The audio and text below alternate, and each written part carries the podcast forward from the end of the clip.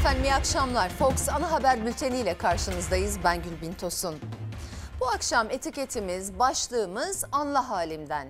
Asgari ücretlinin gözü kulağı Cumhurbaşkanı'nda ara zammı anla halimden diyerek bekliyor. Anlattıklarını izleyeceksiniz. Emekliler ve öğretmenler de öyle. Hala SMA'lı çocuklarımızın sorunlarına çözüm bulamayan aileleri de anla halimden diye haykırıyorlar adeta iktidara. Sizler de görüşlerinizi paylaşabilirsiniz diyelim ve Erdoğan-Biden görüşmesinin ayrıntılarıyla başlayalım bültene.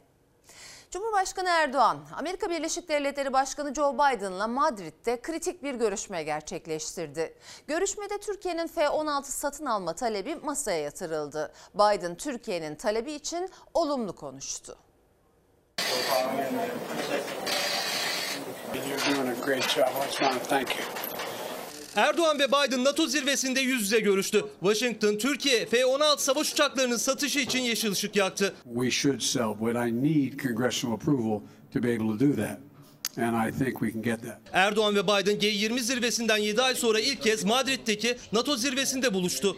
What you did putting together Size İsveç ve Finlandiya konusunda yaptıklarınız ve Ukrayna ve Rusya'dan tahılın çıkarılması için gösterdiğiniz inanılmaz çabadan dolayı özellikle teşekkür etmek istiyorum. Temennimiz odur ki bu zengin politikalarıyla netice alın ve bir an önce de Rubat konusunda şu anda bunun yokluğunu çeken ülkelere açılan koridor üzerinden imkan sağlayın. Daha sonra kapılar kapandı. 1 saat 10 dakika süren yüz yüze görüşme başladı. Masada Ankara'nın 40 adet F-16 savaş uçağı talebi vardı. F-16 meselesi de şu anda hala masada. Orada da yine bir oyalama taktiği gidiyor. Erdoğan'ın zirve öncesinde F-16'larla ilgili kurduğu cümlelerin yarattığı olumsuz hava görüşme sırasında Pentagon'dan gelen açıklamayla bir anda değişti. Pentagon, Türkiye'nin F-16 savaş uçak pilosunu modernleştirme planlarına tam destek verdi. Bu kez gözler Biden'a çevrildi. Amerikan Başkanı zirvenin kapanışında düzenlediği basın toplantısında Washington'un F-16 konusundaki tavrını netleştirdi. Aralık ayından beri satış konusunda pozisyonlarının değişmediğini savundu. We should sell them the F-16. Onlara F-16 ve modernizasyon kitlerini satmamız lazım. Bunu yapmamak bizim çıkarımıza değil. Bunu yapabilmek için kongre onayına ihtiyacım var. Bu onayı alabiliriz. Biden'dan gelen yeşil ışığa rağmen Cumhurbaşkanı Erdoğan temkinli konuşmayı tercih etti. Savaş uçaklarının satışı için kongrede Cumhuriyetçilerin desteğini almak gerektiğine dikkat çekti. İnanıyorum ki Sayın Biden'ın bu konudaki samimi gayretleri ciddi bir destek bulacaktır. Onun için de gecikmeden hemen bir heyeti ayrıca Amerika'ya göndereceğim. NATO zirvesinin ikinci ve son gününde diplomasi trafiği hız kesmedi. Erdoğan gün içinde Almanya, İspanya ve Hollanda başbakanlarıyla görüştü. Erdoğan koltukta oturan İngiltere Başbakanı Boris Johnson'ın yanından geçerken omzunu sıkarak selamlaştı.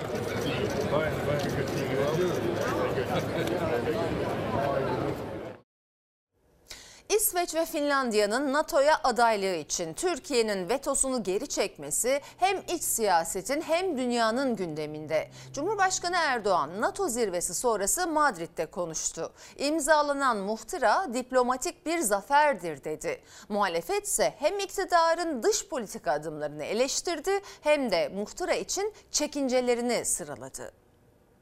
Hiç şüphesiz bu muhtıra Türkiye ve milletimiz açısından zorlu müzakere sürecinden sonra elde edilmiş diplomatik bir zaferdir. Başta kaldığım sürece asla giremezler. E ne oldu? Gittin bastın imzayı çıktın geldin. Türkiye Cumhuriyeti devletin ağırlığı oldu mu? Olmadı. İsveç ve Finlandiya ile imzalanan muhtıra ülkemiz lehine stratejik bir kazanım, milli bir başarıdır. Amerika Türkiye'yi tehdit etti. Tayyip Erdoğan hükümeti Amerika'ya boyun eğdi. İsveç ve Finlandiya'nın NATO'ya üyeliği konusunda Türkiye'nin vetosunu geri çekmesinin yankısı sürerken MHP lideri Bahçeli milli başarı Perinçek Erdoğan boyun eğdi dedi. Kılıçdaroğlu da dış politika adımları üzerinden iktidarı eleştirirken Cumhurbaşkanı Erdoğan da Madrid'de imzalanan muhtıra için diplomasi zaferi dedi. İsveç ve Finlandiya'nın NATO üyelik başvuruları bağlamında yaşananlar Türkiye'nin bu konudaki kırmızı çizgilerini ortaya koymuştur. Sözde değil, eylemlerinde de hakiki bir dayanışma beklediğimiz mesajını güçlü biçimde vurguladım. Bir politikacı dış politika ile ilgili konuşurken boğazında dokuz düğüm olduğunu unutmamalı. İç politikada olduğu gibi yüksek perdeden asla atmamalı. PYD, YPG, FETÖ'ye destek sağlamama taahhüdü, PKK ve uzantılarının para toplama ile eleman devşirme faaliyetlerinin yasaklanması, imzalanan mutabakat muhtırasını Türkiye'nin hassasiyetlerinin anlaşıldığının bir işareti olarak görüyoruz. Cumhurbaşkanı Erdoğan, NATO zirvesi öncesi İsveç ve Finlandiya'nın terör örgütüne verdiği desteği hatırlatarak sert mesajlar vermişti. Zirve sonrası hassasiyetlerimizin anlaşıldığını görüyoruz dedi. Muhtırayla Türkiye'ye güvence verildiğini. Asıl olan verilen sözlerin hayata geçirilmesidir. Bundan sonraki süreçte muhtırada kayıtlı hususların uygulamasını titizlikle takip edecek, adımlarımızı da buna göre atacağız. Daimi ortak mekanizma kurulması kararlaştırılmıştır. NATO ile tonlarca belge var ama F-35'ler ortada yok. Adaların silahlanması ortada. ABD'nin terör örgütlerine desteği açık açık devam ediyor. Bizimkiler kazandık diyor. İsveç Dışişleri Bakanı Sayın Erdoğan'ın gözünün içine baka baka Recep Tayyip Erdoğan'a boyun eğmedik diyor. Umarım Erdoğan çıkıp da Finlandiya ve İsveç başbakanları beni aldattı demez. İsveç ve Finlandiya'dan zirve sonrası gelen açıklamaları hatırlatarak iktidara yüklendi muhalefet. O açıklamalarda en çok da teröristlerin iadesi konusu öne çıktı. Cumhurbaşkanı Erdoğan İsveç söz verdi dedi. Finlandiya Cumhurbaşkanı da BBC Türkçe'ye konuştu. Terör suçlularının iadesi konusunda somut adımlar atılması ki İsveç'in verilmiş olan sözü şudur. 73 teröristin Türkiye'ye iadesi. Finlandiya hükümetinin hiçbir şey yapamayacağı ve mahkeme kararları varken bir şey yapmak istemeyeceği çok açık. Bu dosyaların yeniden açılması için bir neden göremiyorum. Hangi PKK'lıyı, hangi FETÖ'cüyü iade edecekler? Bana verilen söze bakıyorum. Verilen söz yerine gelmezse onun gereğini yerine getiririz. Türkiye'nin İsveç ve Finlandiya'nın NATO'ya adaylığı önündeki vetosunu kaldırması, imzalanan muhtıra ve Türkiye'ye verilen güvenceler. Cumhurbaşkanı takipçisi olacağız dedi. Muhalefet endişeli. Efendim emekli tuamiral İlker Türker'le görüştüm. Üçlü mutabakatın hukuki geçerliliği, bağlayıcılığı olmadığını belirtti. Bizim kazancımız ne mesela? Amerika ile temas F-16 konusunda gelen olumlu açıklamalar diye sorunca zaten F-16 konusunda Amerika ılımlıydı dedi. Bu mutabakat aslında pazarlık yapabilmek ve iktidar açısından Türkiye'deki gündemi baskılamak için şeklinde görüş bildirdi. Görüştüğüm diğer isim emekli tümamiral Cihat Yaycı ise Türkiye Cumhuriyeti gereken mücadeleyi verdi ancak Kıbrıs ve Yunanistan konusunda elimizdeki fırsatı kaçırdık dedi. Peki ya İsveç ve Finlandiya bu mutabakata uymazsa ne olur, ne olacak diye sorunca çünkü yani az önce söylediğim hukuki geçerliliği henüz yok.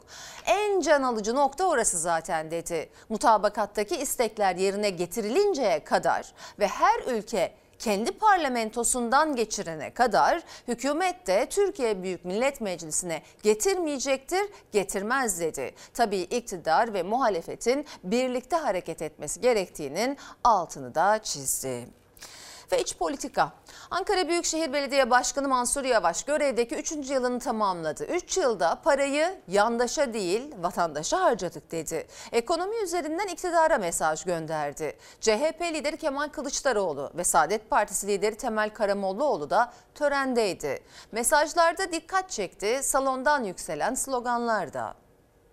Bir demir ve plastik yığınına 801 milyon dolar harcamak yerine kenti fıskiyelerle donatıp zırhlı jipler almak yerine 2013'te yılından beri alınmayan otobüsleri kente kazandırmak bu zihniyet değişiminin eseridir. Ankara Büyükşehir Belediye Başkanı Mansur Yavaş görev süresinde 3 yılını tamamlarken 3 yılda yaptıklarını sık sık Gökçek dönemine vurgu yaparak anlatırken kürsüye de sizi Cumhurbaşkanı görmek istiyoruz sloganıyla çıktı. Sayın Genel Başkanlarım, Salondan alkışlar yükseldi. Yavaş projelerini anlatarak başladı sunumuna. Ankara'da zihniyet değiştirdik dedi. Kılıçdaroğlu, Saadet Partisi Genel Başkanı Temel Karamollaoğlu ve Altılı Masa'nın temsilcileri tam kadro salondaydı. geride bıraktığımız 3 yılda en çılgın projemiz kente getirdiğimiz adalet ve kardeşlik duygusu oldu. Birilerinin 3 yıl beton aradığı, plastik aradı, rant aradı. Bunları bulamayınca bizlere duyulan sevgiyi anlamlandıramadığı nokta işte tam bu oldu. Harcadığı her kuruşun hesabını kendi halkına, kendi milletine, kendi vatandaşına veren bir belediye başkanının hepimizin başının üstünde yeri vardır. Sosyal yardımları kesecekler, personeli işten çıkaracaklar. Belediyenin borcu çok. Maaşları bile ödeyemez demişlerdi. Kimseyi ayırt etmedik. Halkın parası yandaşlara değil, hak edene gidiyor.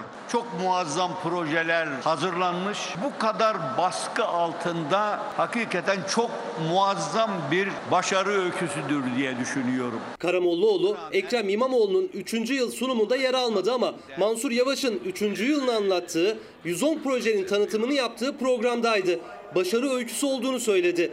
Yavaş, daha hızlı başarırdık ama ekonomi kötü yönetildiği için rahat olamadık dedi. Metro ne oldu, metro ne oldu diye soruyorlar. Keşke ekonomi iyi yönetilseydi, kesintileri artırmasaydınız, yakıta ve giderlere bu kadar zam yapmasaydınız da biz de en büyük insanlık davası olan ekmek davası için hemşehrilerimizin yanında olmak zorunda kalmasaydık. Biz bu 3 milyar lirayla rahatça metro yapabilirdik. Yavaş 3. yılını sahnede oyun havası eşliğinde kutladı. İstanbul Büyükşehir Belediye Başkanı Ekrem İmamoğlu da İstanbul Bağcılar'daydı. Esnaf gezdi. Vatandaşlarla sohbet etti. Hoş geldiniz. Merhaba nasılsınız? Başkanım bir çay isteydiniz. Kardeşim iki ay sonra düğünü var. 4 liradan aşağıya kira bulamıyoruz. Ekmek 5 lira oldu. Sorumlusu bu ülkenin ekonomisini yönetemeyecek insanlara teslim eden hükümet. Sayın Cumhurbaşkanı. Merhaba arkadaşlar. İki isim de salonlarda, meydanlarda Cumhurbaşkanı sloganı sözleriyle karşılaşıyor ama renk vermiyorlar. Millet İttifakı'nın Cumhurbaşkanı adayı kim olacak sorusu gündemdeki yerini korurken CHP lideri Kılıçdaroğlu iddialı konuştu. İsim tartışmasına girmedi ama ortak aday vurgusuyla seçimlerin ikinci tura kalmadan ilk turda biteceğini söyledi. Hiç kimse şundan endişe duymasın. 13. Cumhurbaşkanı Millet İttifakı'nın Cumhurbaşkanı olacaktır. Cumhurbaşkanlığı seçimi ilk turda biter %100 diyebiliriz. Umarım öyle olur. Bunun için iki adaylı bir seçim olacağını düşünüyorum. CHP lideri Kılıçdaroğlu Cumhurbaşkanlığı seçiminin ilk turda kazanılacağını iddialı ifadelerle %100 diyerek anlattı. Sadece altılı masanın değil tüm muhalefet partilerinin milletvekilliği seçimi dışında ortak Cumhurbaşkanı adayını desteklemelerini istedi. Parlamenter seçimde farklı ittifaklar olabilir. Var da zaten HDP'nin bir ittifak arayışı, sol yapıların ittifak arayışı var. Ancak Cumhurbaşkanlığının ortak bir adayının olması daha yerinde olur. Elimizden gelen ne varsa nasıl bir katkı yapabileceksek yaparız. Cumhurbaşkanlığı seçimi için de ikinci turda oy verebileceğimiz bir adaya ilk turda niye oy vermeyelim? Verebiliriz.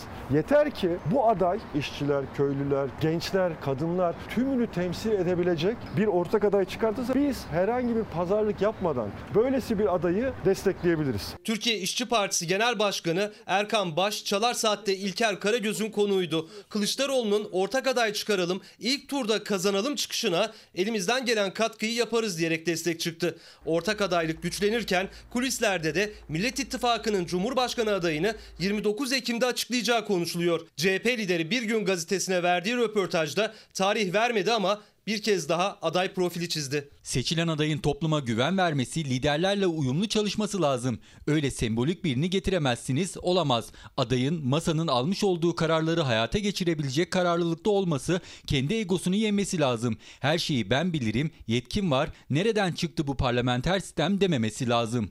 6 sene AK Parti'de mahalle başkanı. Yaptım, bayağı kullanıldım. Bayağı size bir haksızlık yaptım. Hakkınızı halal edin. Helal olsun. Genel başkanımız helalleşeceğiz diyor ya. Evet. Nasıl olacak diyorlar böyle olacak işte. Biz de sana helal ediyoruz. Bizim de sana bir yanlışımız olduysa sen de hakkını helal et. Helal olsun. AKP %30'un altında. Haziran sonunda tüm yoklamalarda CHP'nin AKP'yi geçeceğini göreceksiniz. Burada da hiçbir tereddüt yok. AKP'den ve MHP'den kopanlar CHP'ye üye oluyorsa bu önemli bir veridir. Kopuşlar başladı, büyüyerek gidecek. 22 yıldır ben AK Parti'deydim. CHP gibi köklü bir partiye de katılmanın onurunu ve şerefini yaşıyorum. AK Parti Şanlı Şanlıurfa ilçe başkan yardımcılığı da yapan iş adamı Cengiz İzol, AK Parti ile yollarını ayırdığını, CHP'ye katıldığını bu videoyla duyurmuştu. Kılıçdaroğlu seçime yaklaşırken kopuşlar büyüyecek dedi. Seçim mesajı da verdi. Erken seçim olabilir. Bu ya Devlet Bahçeli'nin tercihi ya da ikisinin bir araya gelip aldığı bir karar olabilir. Erken seçim falan demiyorum. Türkiye'nin derhal yarın seçime gitmesi lazım. Geç kaldık. Memleket batmış durumda. İnsanlar aç, yoksul, işsiz. Bu iktidar kazanacağına inansa hemen seçime götürür. Başarı elde etme şansı yok.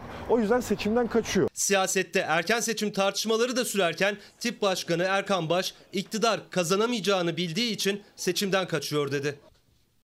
Mehmet Bey diyor ki emekliler, öğretmenler, doktorlar, asgari ücretliler, EYT'liler ve tüm vatandaşlar anla halimden diyor ancak siyasiler sadece kendilerini anlıyor. Hemen emekli milletvekili maaşlarını artırıyorlar. Çifter çifter maaş alıyorlar. Vatandaşa gelince olanaklar bu kadar. Ümitsiziz demiş. Ayhan Bey de Temmuz ayında emekli maaşlarına %100 zam yapılsa bile geçen seneki alım gücüne ulaşamayız diyor. Bakalım emekliler yüzde kaç zam alacak?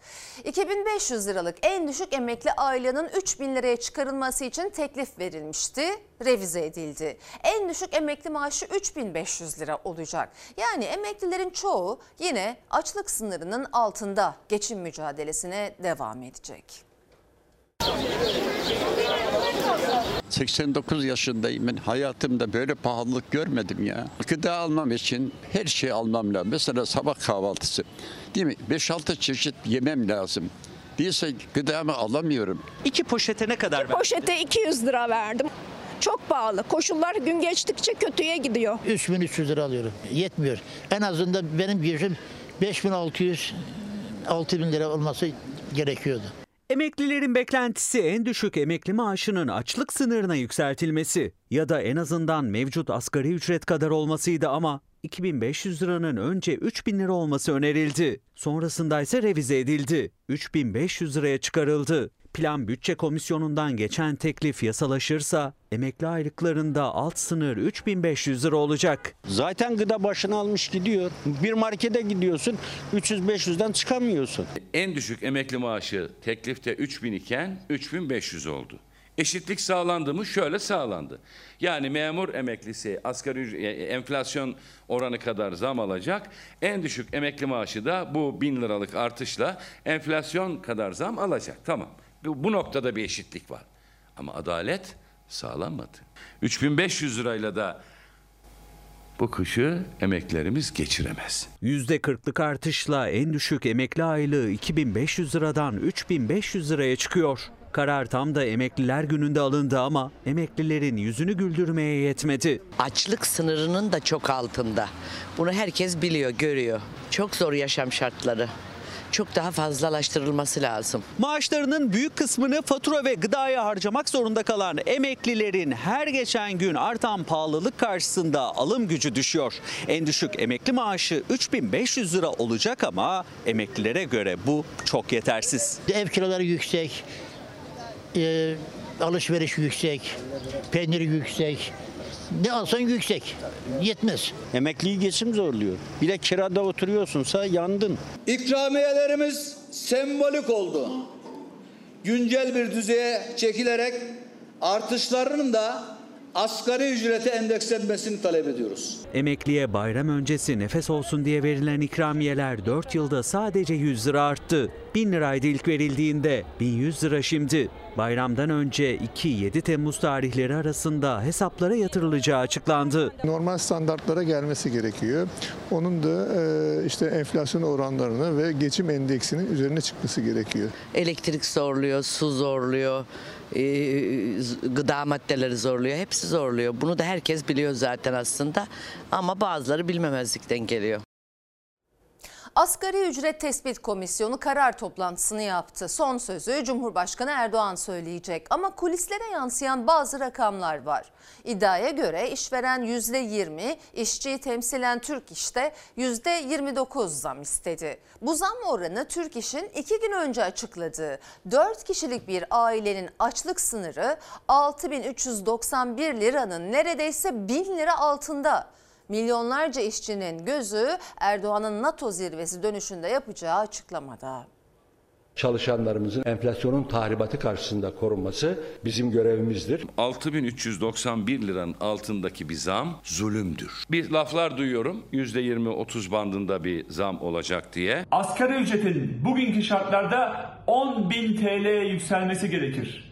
Bunu yapmayacağınızı biliyoruz. Asgari ücrette zam en az yüzde 40 olmalı ki kısmen bir rahatlama meydana gelsin. Asgari ücretin açıklanmasına saatler kala Ankara kulislerine yansıyan orana göre işveren %20, işçi masada temsil eden Türk İş'te %29,3 zam istedi. Bu oranda zam olursa asgari ücret Türk İş'in kendi belirlediği açlık sınırı 6391 liranın bile 892 lira altında. Asgari ücret için çağrımız açlık sınırı artı yüzde altı. Bu da eh dedirtecek bir şeydir. CHP asgari ücretin Türk İş'in 4 kişilik bir aile için Haziran ayı açlık sınırı 6391 liranın %6 üzerinde yani 6770 lira olması gerektiğini söylerken Türkiye İşçi Partisi Genel Başkanı Erkan Baş da barınma, sağlık, gıda, eğitim gibi sadece temel giderleri yansıtan yoksulluk sınırının 20 bini geçtiğini hatırlattı iktidara. Yoksulluk sınırı 20 bin lira. 10 bin liranın altında bir rakam işçiye yaşama imkanı vermez. 4 kişilik bir ailede herkes asgari ücretle çalışsa dahi aile yoksulluk sınırının altında.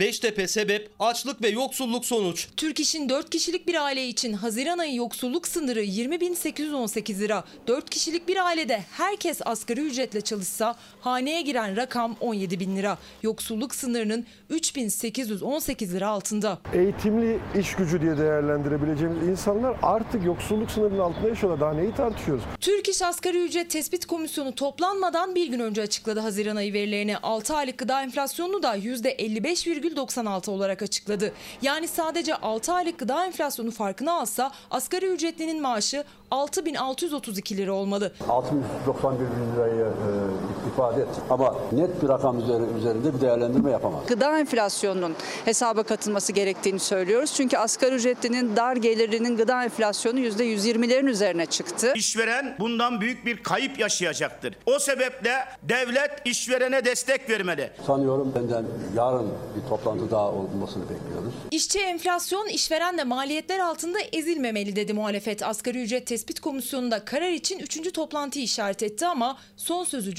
Cumhurbaşkanı Erdoğan söyleyecek. Hadi diyelim sendika ve işverenden daha fazla verdi hükümet. Zam %30 olsa 5529, %40 bile olsa 5954 yani açlık sınırına ancak yaklaşabilecek. Dün gelen mesajların bazıları beni üzmüştü. Bir izleyicimiz 6000 yapın asgari ücreti, ekmeği de 10 lira yaparsınız artık diye yazmıştı. Herkes her şeyin o kadar farkında ki, o kadar umutsuz ki alım gücümüz her geçen gün düşüyor. Bir de şu takıldı tabii kafama. Türk İş niye %29 zam ister ki? Niye daha fazla talepte bulunmaz? Anlamak güç diyeceğim de değil aslında. Sendika başkanlarının bir elleri yağda, bir elleri balda nasıl olsa. Hükümetin meclise sunduğu ek bütçe Meclis Genel Kurulu'nda Cumhur İttifakı oylarıyla kabul edildi. Ama öncesinde tansiyon yüksekti. Muhalefet iktidarı ekonomi üzerinden sert eleştirirken Hazine ve Maliye Bakanı Nurettin Nebati yanıt vermeye çalıştı. Sene başında hazırlanan bütçe senesi dolmadan mevta oldu. Maşallah dediğiniz 40 gün yaşamıyor.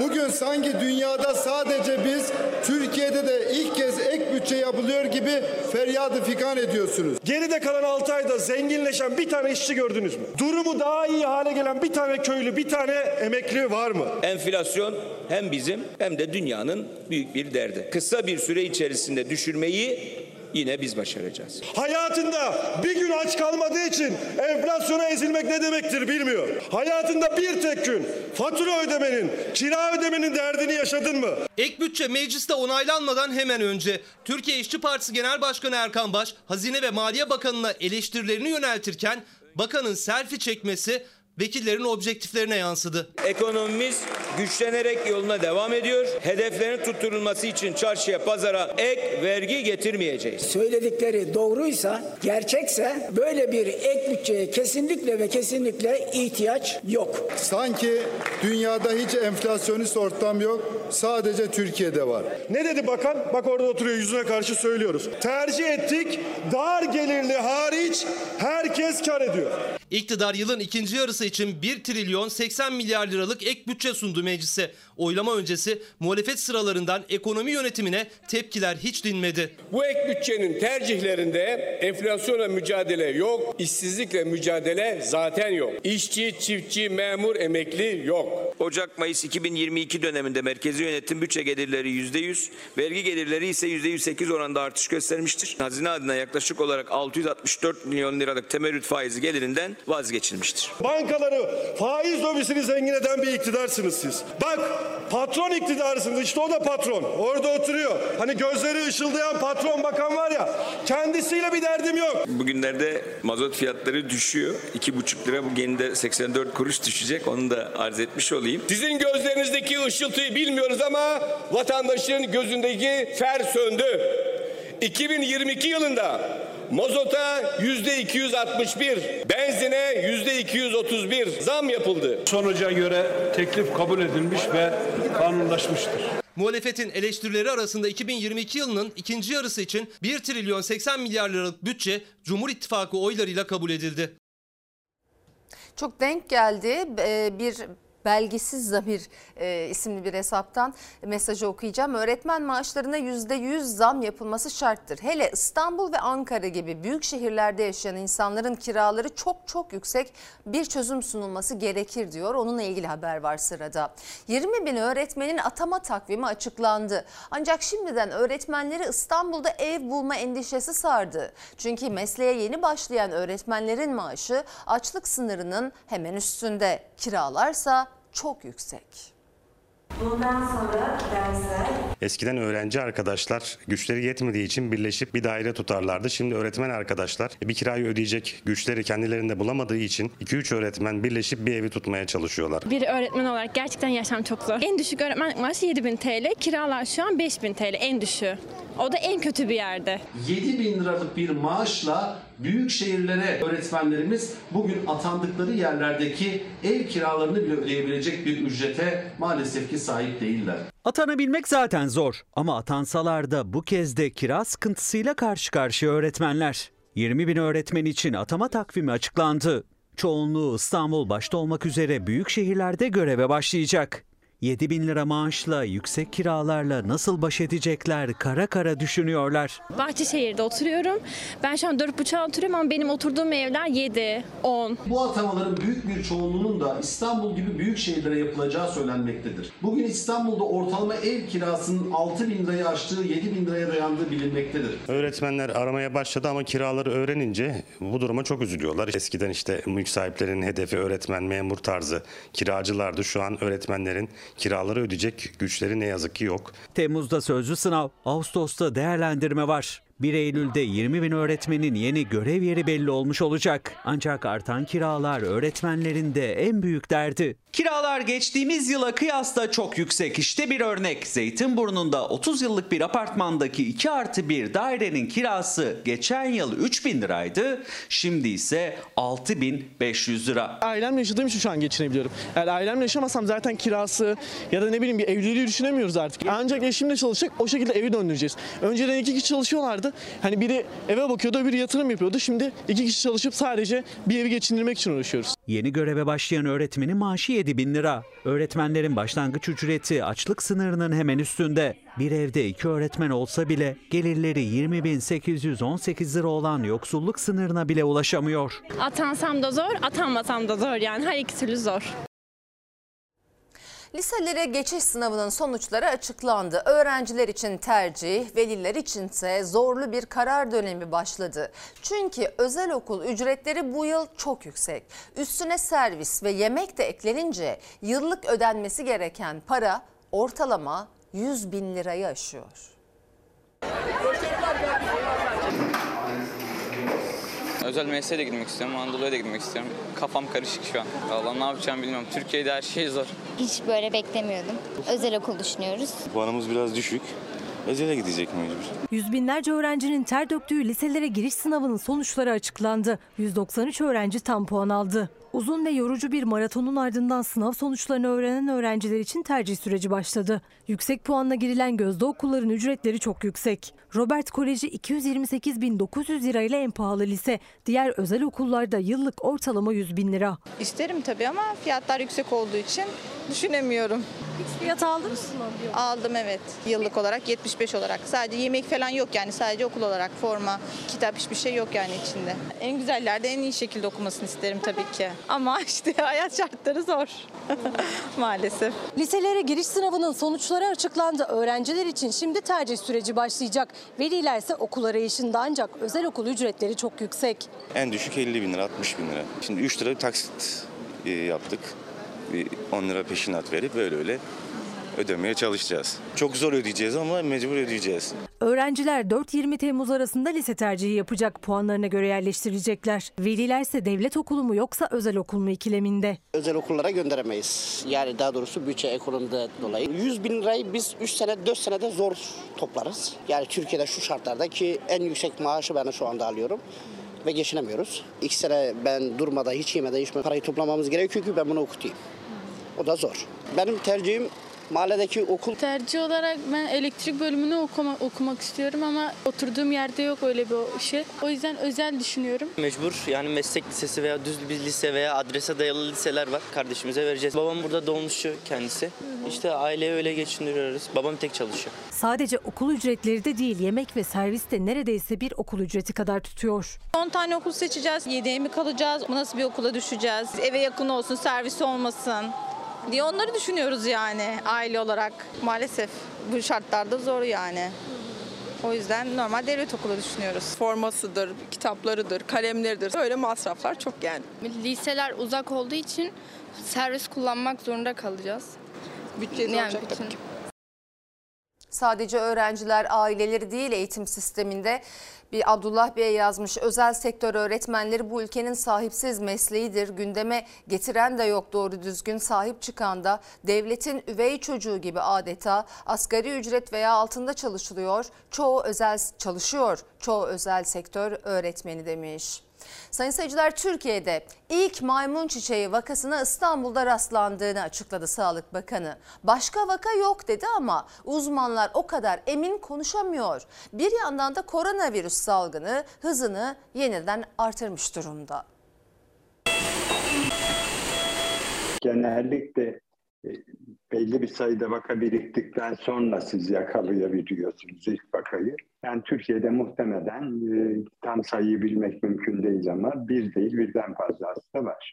Bir hastamızda maymun çiçeği hastalığı tespit edildi. Tecrit edilmiş durumda. Temaslı takibi yapıldı. Başka bir vakaya rastlanmadı. Dünyada hızla yayılan maymun çiçeği hastalığına Türkiye'de de rastlandı. Sağlık Bakanı Fahrettin Koca ilk vakanın tespit edildiğini açıkladı. Ancak Enfeksiyon Hastalıkları Derneği Başkanı Profesör Doktor Mehmet Ceyhan'a göre sayı çok daha yüksek olabilir. Hastalık temasla bulaşıyor. Bakan Koca solunum yoluyla bulaşmıyor dedi ama uzmanlara göre aynı ortamda uzun vakit geçiren kişilerde solunum yoluyla da bulaşabiliyor maymun çiçeği. Bilindiği gibi bu hastalık solunum yoluyla değil, yakın fiziksel temasla bulaşıyor. Kişilerin en bulaşıcı yerleri o vücutlarında çıkan içi su dolu kabarcıklar.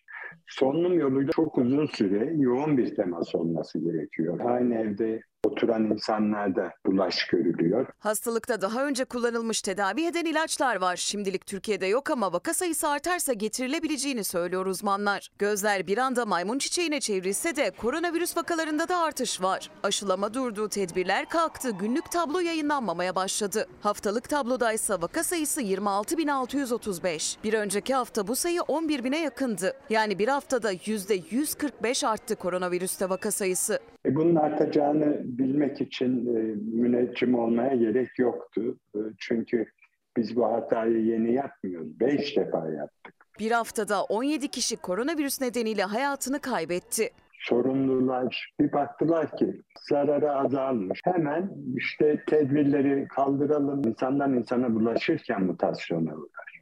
Ve bu mutasyonlardan birinin de ağır bir hastalık yapan ve çok ölüme yol açan bir varyant olma riski her zaman var. Salgınla en etkin mücadele yolu aşılama ama tamamen durdu. BioNTech'te de Sinovac'ta da son dozların üstünden 6 aydan fazla süre geçti. Ve yeni dozlara ne zaman ihtiyaç var Sağlık Bakanlığı bir açıklama yapmıyor. Aşılamalar durdu arada bizde.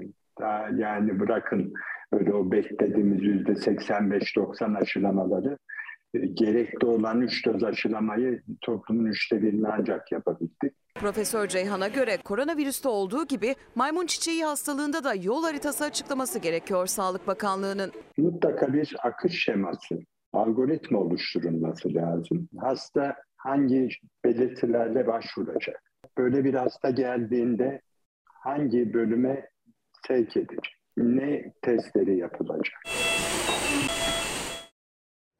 Profesör Doktor Bengi Başar'la görüştüm. 1980 öncesinde aşı olmuş olanlar korunuyor dedi. Bu iyi haber. Kötü haber aktardı. Covid-19'un dönüşü.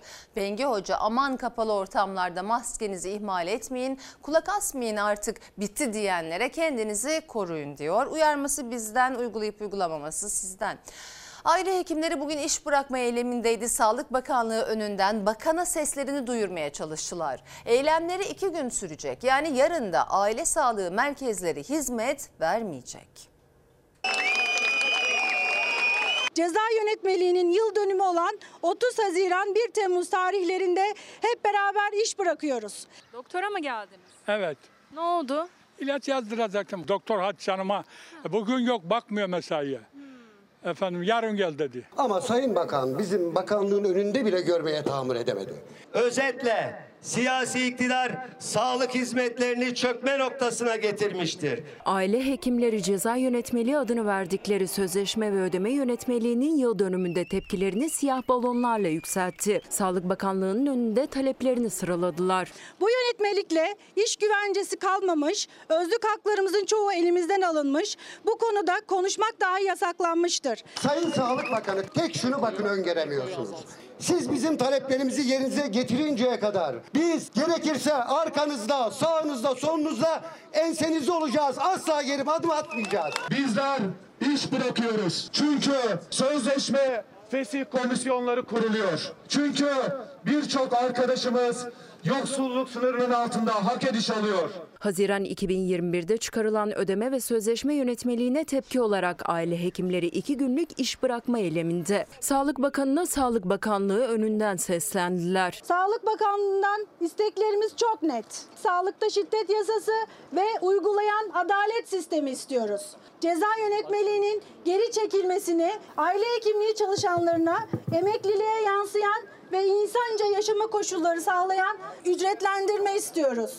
Eşit işe eşit istihdam koşulları istiyoruz. Aile hekimlerimizin temel ücretlerinde de artış yapılacaktır. Cumhurbaşkanı Erdoğan sağlıkçılara 5 maddelik paket açıklarken aile hekimlerine de ücret artışı yapılacağını söylemişti. Tutulmayan sözler sağlık ocaklarının günden güne artan masrafları aile hekimlerinin gündemiydi. Ek değil tek ödeme sistemine geçilmesini enflasyon oranında zam değil bir an önce seyyanen maaş iyileştirmesi yapılmasını istiyoruz. Sağlık ocağına gelen hastalar kapıdan dönüyor çünkü doktorlar seslerini duyurabilmek için eylemde. Hastalar kapıdan döndükleri için mutsuzlar ancak sebebini duyduklarında hak veriyorlar.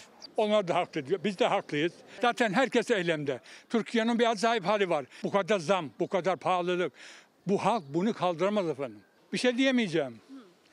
Onların da hakkı var. Salgında artan iş yükü, kiralara, faturalara zamlarla gelen bütçe yükü, yönetmelikle gelen iş fesi yükü aile hekimlerinin belini iyice büktü. Hak aramaktan yoruldular. Bırakın da artık işimizi yapalım. Meydanlarda hakkımızı aramayalım. Gizem Hanım diyor ki bütün her şeyi bir kenara bırakıyorum. Ama SMA'lı çocukların hakkını hiçbir zaman ödeyemeyeceksiniz. O çocukların çektikleri acılara alamadıkları nefese sağır oldunuz. Minicik bedenler sırf para illeti yüzünden acı çeke çeke ölüyor. SMA'lı çocuklarımızla ilgili haberimiz var sırada. SMA hastası çocukların aileleri gen tedavisinin Türkiye'ye getirilmesi için bir kez daha Ankara'da eylem yaptı. Muhalefet bir gün önce Hazine Bakanı Nebati'ye ek bütçeden SMA'lı bebeklere de bir pay var mı diye sordu. Bakan Gereken yapılıyor demekle yetindi. Milyon dolarlık tedaviye kendi kampanyalarıyla ulaşmaya çalışan aileler o kadar çaresiz ki hasta çocuklarını bile ambulanslarla eyleme getirdiler. Bu çocuklar gaz kaybından dolayı bak şu ayaklar ne hale gelmiş.